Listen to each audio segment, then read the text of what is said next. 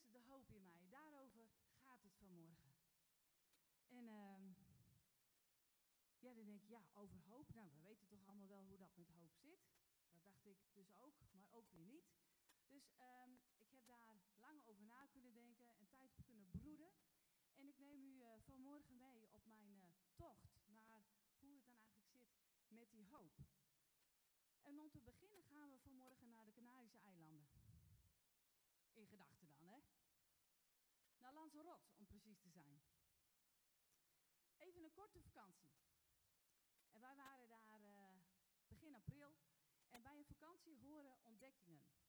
Wordt avontuur. Zeker voor Ruud, mijn man. En zo belanden we op een eiland waar we naartoe gelokt werden met de toeristische woorden: Op dit eiland is nog alles oorspronkelijk.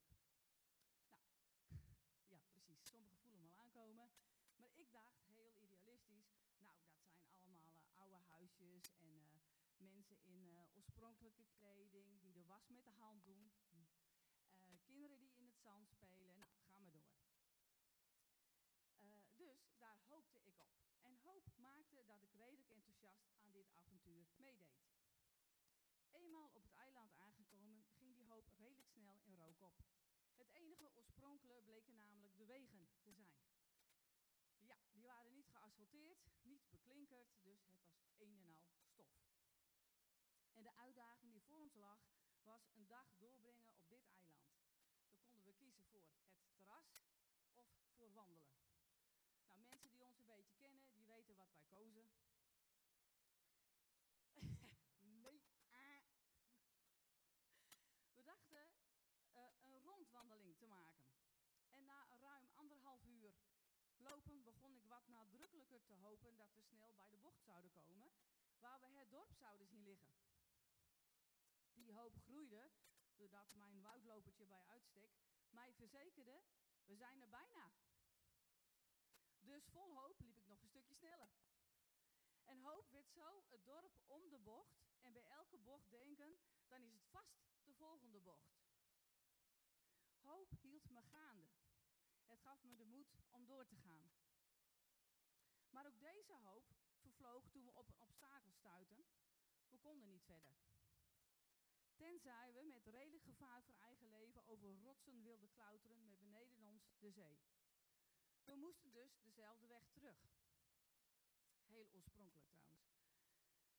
Die avond zou er een markt zijn in het centrum van het dorp. En ja, ik ben vrouw, dus ik besloot me daarop te verheugen en hoopte op een avond met leuke kraampjes.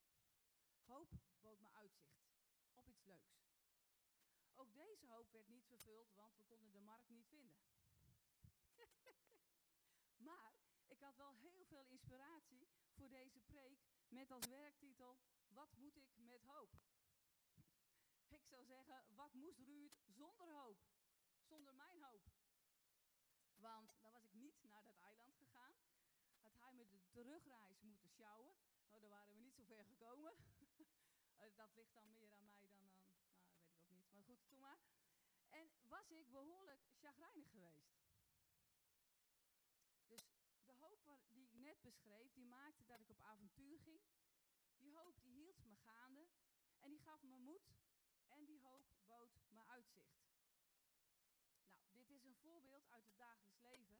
En in eerste instantie zou je zeggen, gelovig of niet, dit kan toch iedereen hopen? En dat klopt. In ons dagelijks taalgebruik komt vaak het woord hoop voor. In de Bijbel ook. En ik heb de afgelopen maand behoorlijk lopen puzzelen. Zit er verschil tussen de hoop waarover we dagelijks hebben en de hoop waarover de Bijbel spreekt? En als christenen hopen we op een leven na dit leven. He, dat is gewoon zo. Wij hopen op een leven na dit leven. Maar hoe houdt me dat dan hier gaande? En wat is nou de diepere laag achter mijn hoop? En natuurlijk is het korte antwoord mijn geloof in God. Beter nog, onze hoop is Jezus, die de dood heeft verslagen en daardoor voor ons de weg heeft vrijgemaakt voor het eeuwige leven. Dat is absoluut waar. Maar dan nog blijft mijn vraag, hoe houdt dat me hier gaande? Waarom zei ik ooit tegen een interviewster van de EO, toen ze mij vroeg mezelf te omschrijven, kampioen hoophouden. Dat brengt me bij een volgend uitstapje en dat is iets serieuzer, dus we gaan een beetje naar de collegebanken. Namelijk een verdieping van het woord hoop. En dan begin ik met een bekende tekst uit 1 Corinthians 13. Waar staat ons resten geloof, hoop en liefde, maar de grootste daarvan is de liefde. En even kijken of het ook, En dan is er uh, nog één tekst, ook uit 1 Corinthians, als het goed is. En daar staat ons restend geloof, vertrouwen en liefde. En dat moet steeds het belangrijkste in ons leven zijn. Maar het allerbelangrijkste is de liefde. En in de Bijbel in gewone taal is het woord hoop vervangen door vertrouwen. En dat is wel interessant, want waarom hebben ze dat nou gedaan? Kijk of die. Nou. Hebben jullie die? Oh, staat er niet bij. Nou, dan uh, weet u nu dat in de Bijbel in gewone taal is het woord um, hoop vervangen door vertrouwen. En waarom hebben ze dat nou gedaan? Nou, er is heel veel positiefs te zeggen over het Nederlandse woord hoop. Maar niet dat we het gebruiken in de betekenis van stellige verwachting. Hoop gebruiken we juist voor situaties met een twijfelachtige uitkomst. Dat heeft u net gehoord in het verhaal over Lanzarote. Hoop op herstel, hoop op verbetering, hoop op succes enzovoort gaat het om een positieve instelling, een positieve blik naar de toekomst, maar de uitkomst is onzeker. Vroeger had hoop ook de betekenis van vertrouwen. En de Statenvertalers gebruikten het woord om de stellige verwachting uit te drukken dat Gods belofte werkelijkheid wordt. Het is beloofd, dus je mag het verwachten. Je kunt erop vertrouwen. Maar die betekenis van hoop is in het Nederlands verdwenen. Ons woord hoop dekt de lading niet meer. En dus doe je met hoop niet helemaal recht aan wat Paulus, de schrijver van de Corinthiërsbrief, wil zeggen. Hij gebruikt namelijk het Griekse woord elpis. En daarbij gaat het om een verwachting die geen twijfel toelaat. Nou, je kunt dat oplossen door te spreken over vaste hoop of stellige hoop of hoop. Maar dat wordt snel omslachtig, vonden de vertalers van die Bijbel in gewone taal. En daarom hebben zij gekozen voor het woord vertrouwen in plaats van het woord hoop. En met Elpis duwt Paulus op het vertrouwen dat Gods belofte werkelijkheid zal worden. Het is het vertrouwen dat we echt gered zullen worden, dat God zich houdt aan zijn woord. En dat hopen we niet, nee, daar vertrouwen we op. En dat vertrouwen de grond waarop wij staan, waarop wij mogen staan. Is de grond waarin ons anker, ons anker van de hoop mag en kan hechten. Dus hoop als stellige verwachting. En dan kom je uit op hoop doet leven. Die hoop doet leven. Je zou kunnen zeggen, de manier waarop mensen met het heden omgaan, wordt sterk beïnvloed door de visie die zij op de toekomst hebben. De hoop waar de Bijbel het over heeft, gaat over een gerichtheid van je en een gerichtheid van je hart. En een gerichtheid die verankerd is voorbij de horizon. Dus voorbij dat wat wij hier en nu kunnen zien. En dat betekent dus dat het groter is dan ons aardse begrip. Het gaat ons verstand erboven. Het is een hoop die optilt, die brandstof is voor je ziel. En die maakt dat je het vol kan houden. En in het Engels is daar een hele mooie zin die zegt: Hope is the little voice you hear whisper, maybe, when it seems the rest of the world is shouting no. Oftewel, hoop is het kleine stemmetje wat je hoort fluisteren. Misschien. Terwijl het lijkt alsof de wereld nee schreeuwt. En dat misschien kan je zeggen omdat je de stellige verwachting hebt dat Jezus het laatste woord heeft. Niet ellende, niet ziekte, niet onrecht, niet in de steek gelaten worden en niet de dood. Het Bijbelse begrip hoop is dus totaal anders. Bijbelse hoop is niet een klein kansje tegen beter weten in, maar 100% zekerheid dat iets, iets gaat gebeuren omdat God het heeft gezegd. Hoop heeft dan ook te maken met geloofszekerheid. Het is het vaste besef dat je toekomst er prima uitziet, ondanks de misschien hopeloos lijkende situatie van vandaag. En dat maakt dat we de Bijbelse hoop een anker voor de ziel noemen.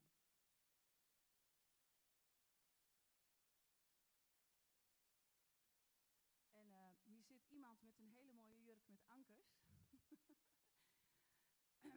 en uh, ik laat het aan u, uh, jullie om daar straks te kijken wie dat is.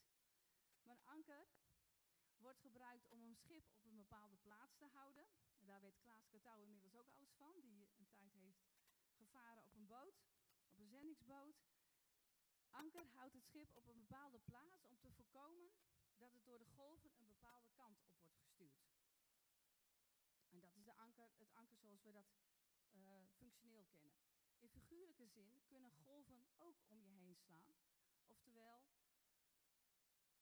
um, je kan het gevoel hebben dat je wordt overspoeld door wat, door wat je overkomt. En dan heb je dus ook een anker nodig.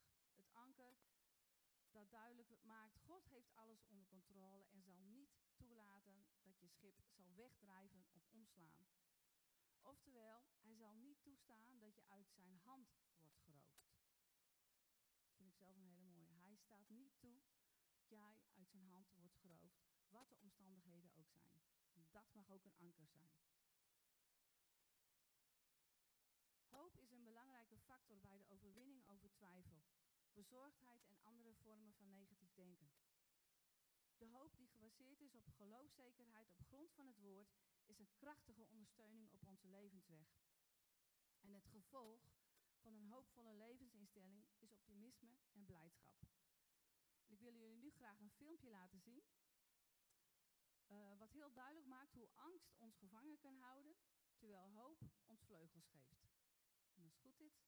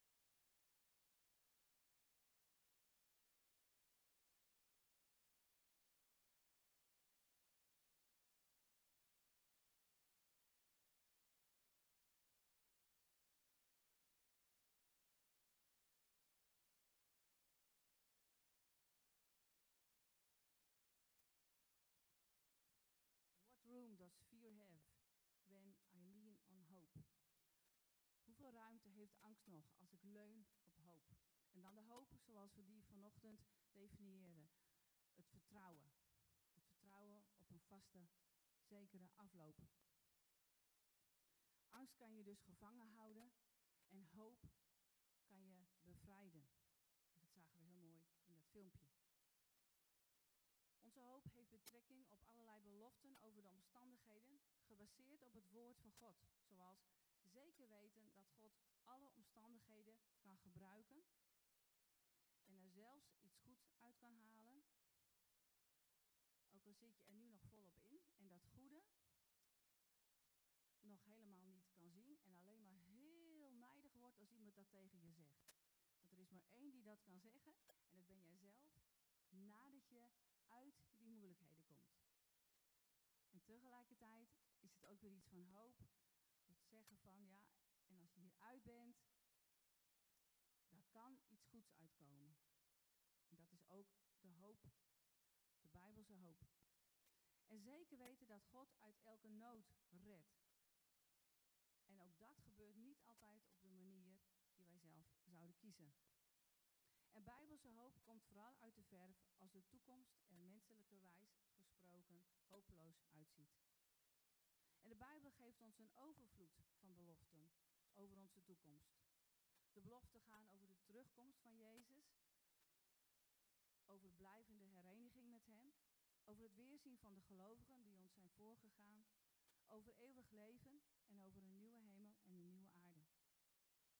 Er is geen verzekeringspolis, geen pensioenverzekering die zulke hoge uitkeringen belooft. En het valt op dat alle beloften met Jezus hebben te maken. Het is ook geen wonder, het is Jezus die de verzekeringspremie heeft betaald. En die premie was ongelooflijk hoog. Dat was zijn eigen volmaakte leven. En daarom mag je weten dat de uitkering van die verzekering ook oneindig hoog is. Je zult er nooit door teleurgesteld worden. In de Bijbel wordt het begrip hoop vaak gekoppeld aan de zekerheid van eeuwig leven na de dood. Opstanding van Christus wordt daarbij genoemd als onaantastbare zekerheid. En Jezus legt dat aan Martha uit met hele krachtige woorden. Hij zegt, ik ben de opstanding en het leven. Wie in mij gelooft, zal leven, ook al is hij gestorven. En in ieder die leeft en in mij gelooft, zal in eeuwigheid niet sterven. Geloof je dat? Vraagt Jezus. En hoop is misschien wel het meest centrale woord in de Bijbel. Hoop is iets anders dan Een optimist trekt zich op aan bepaalde concrete gebeurtenissen waarvan hij hoopt dat ze snel gaan komen, zodat alles beter wordt. Op zich niks mis mee, maar niet te vergelijken met de Bijbelse hoop. Je kunt optimist zijn zonder hoop te hebben. Andersom, ook als je het een keer zwaar inziet, als je opziet tegen de moeilijkheden van alle dag, kun je toch hoop hebben. Omdat je leeft vanuit overstijgende hoop.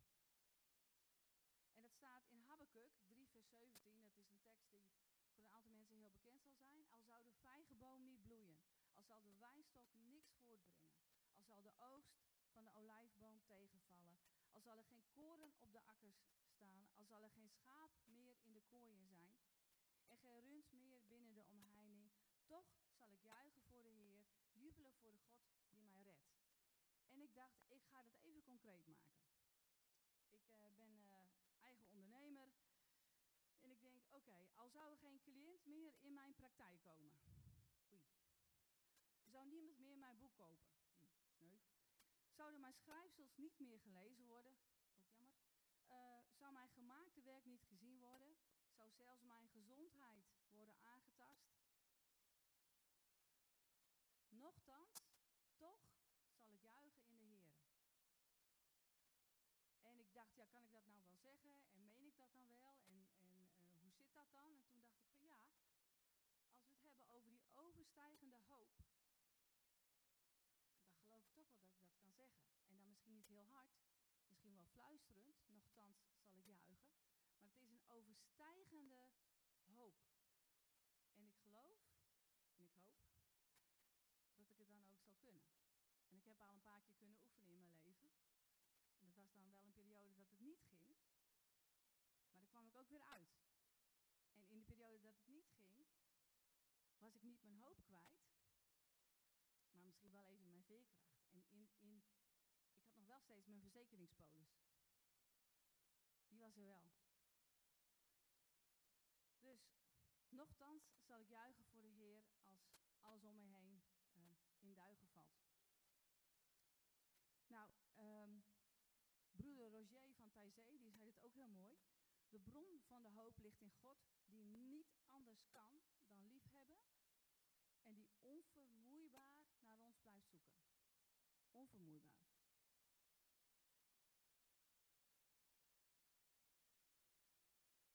Want God is goed. Hij verandert zijn welwillende houding nooit en laat ons niet in de steek. En in de Bijbel wordt hoop vaak uitgedrukt door het begrip van de belofte. En als God een relatie aangaat met mensen, gaat dit gewoonlijk samen met een uitbreiding van de belofte. Een mooi voorbeeld daarvan is het verhaal van Abraham. God zei tegen Abraham: Ik zal u zegenen. En om u zullen alle geslachten op aarde zich gezegend noemen. Een belofte is iets dynamisch en opent nieuwe mogelijkheden in het leven van mensen. En deze belofte die Abraham kijkt, krijgt, kijkt naar de toekomst. En ze vindt haar wortels in in een relatie met God, die hier en nu tot ons spreekt en ons oproept om concrete keuzes te maken in ons leven. Het zaad van de toekomst bevindt zich in de huidige relatie met God. En we zijn dus geworteld in het heden.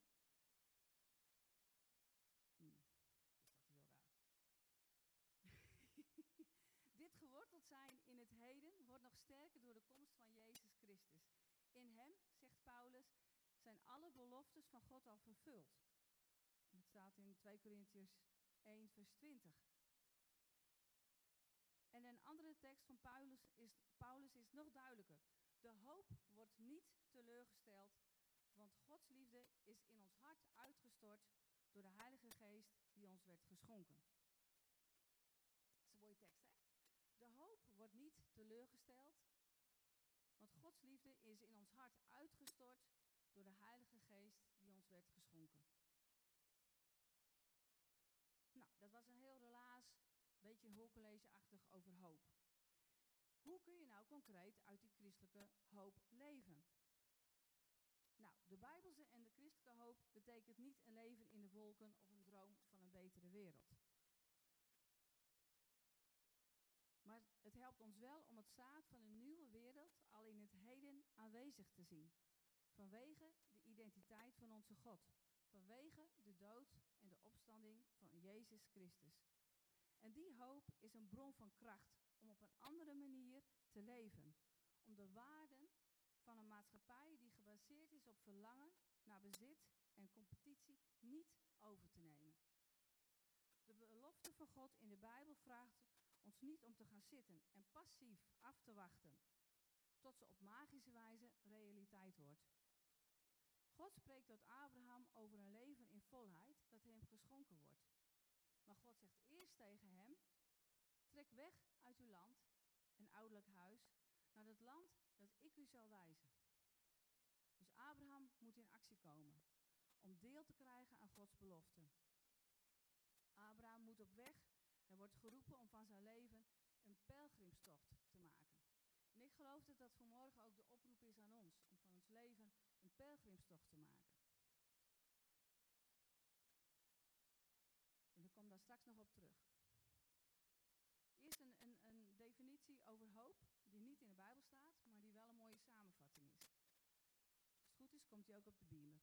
Hopen betekent dus allereerst in de diepten van het heden een leven ontdekken dat verder stroomt en daardoor niets kan worden tegengehouden. En dat is een definitie die past bij het verhaal van Habakkuk, als zal ook alles kwijtraken.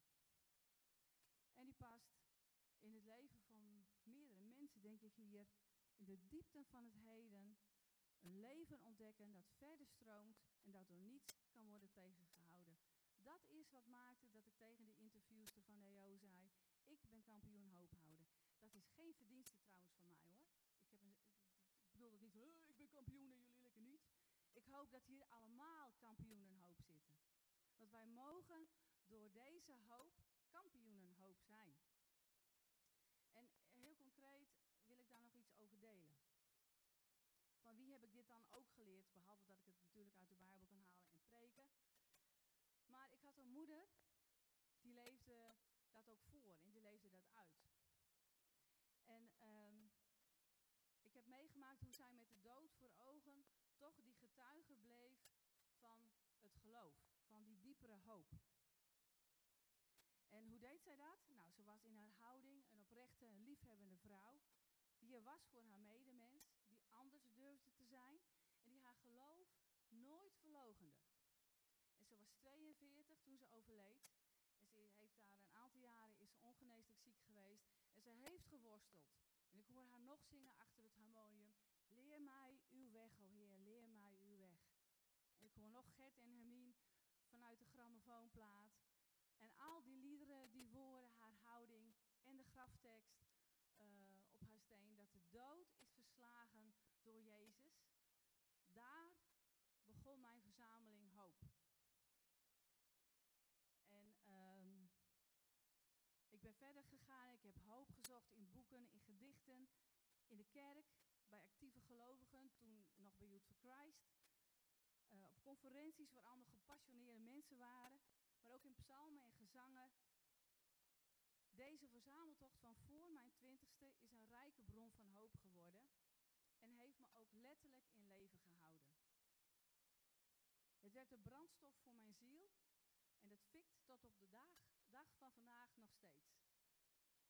Mijn verzameling is inmiddels behoorlijk gegroeid en maakt dat mijn passie blijft branden, niet kapot is te krijgen, omdat die put uit een overstijgende hoop. En ik heb twee liederen die, uh, die mij zo geholpen hebben, ook in de donkerste nachten, in de donkerste tijden, heb ik een kort stukje tekst uh, ook van doorgegeven.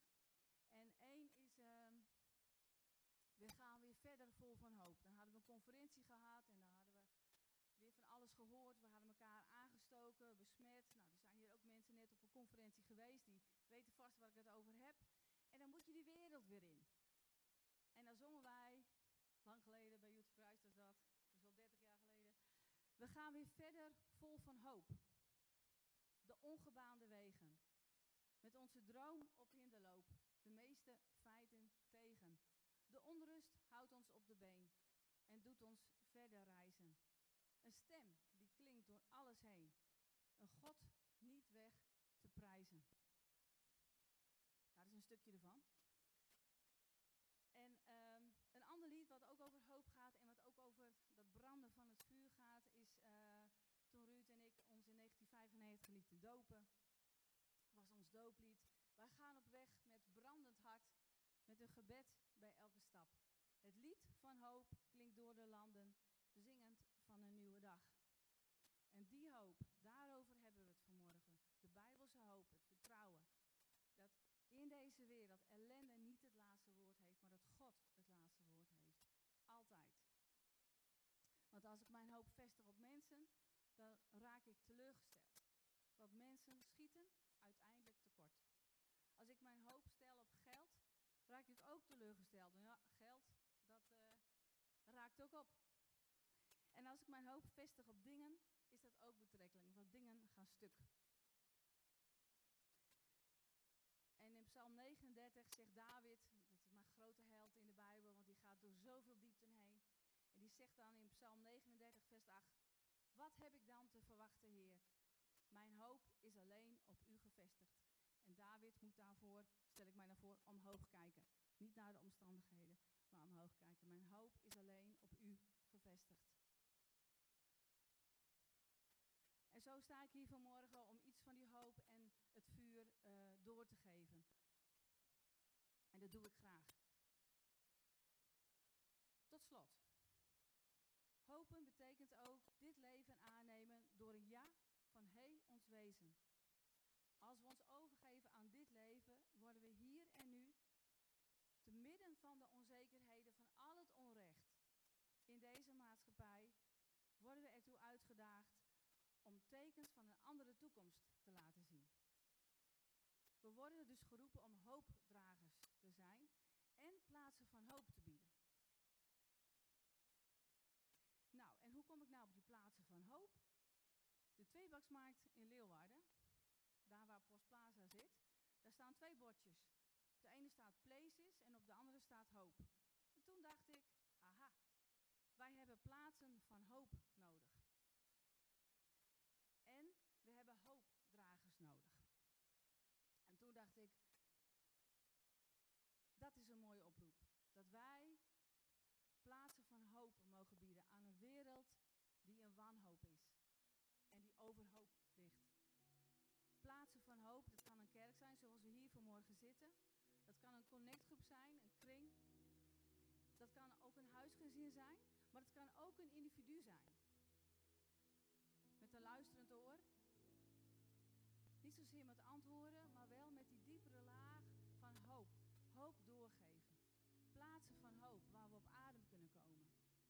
kunnen huilen,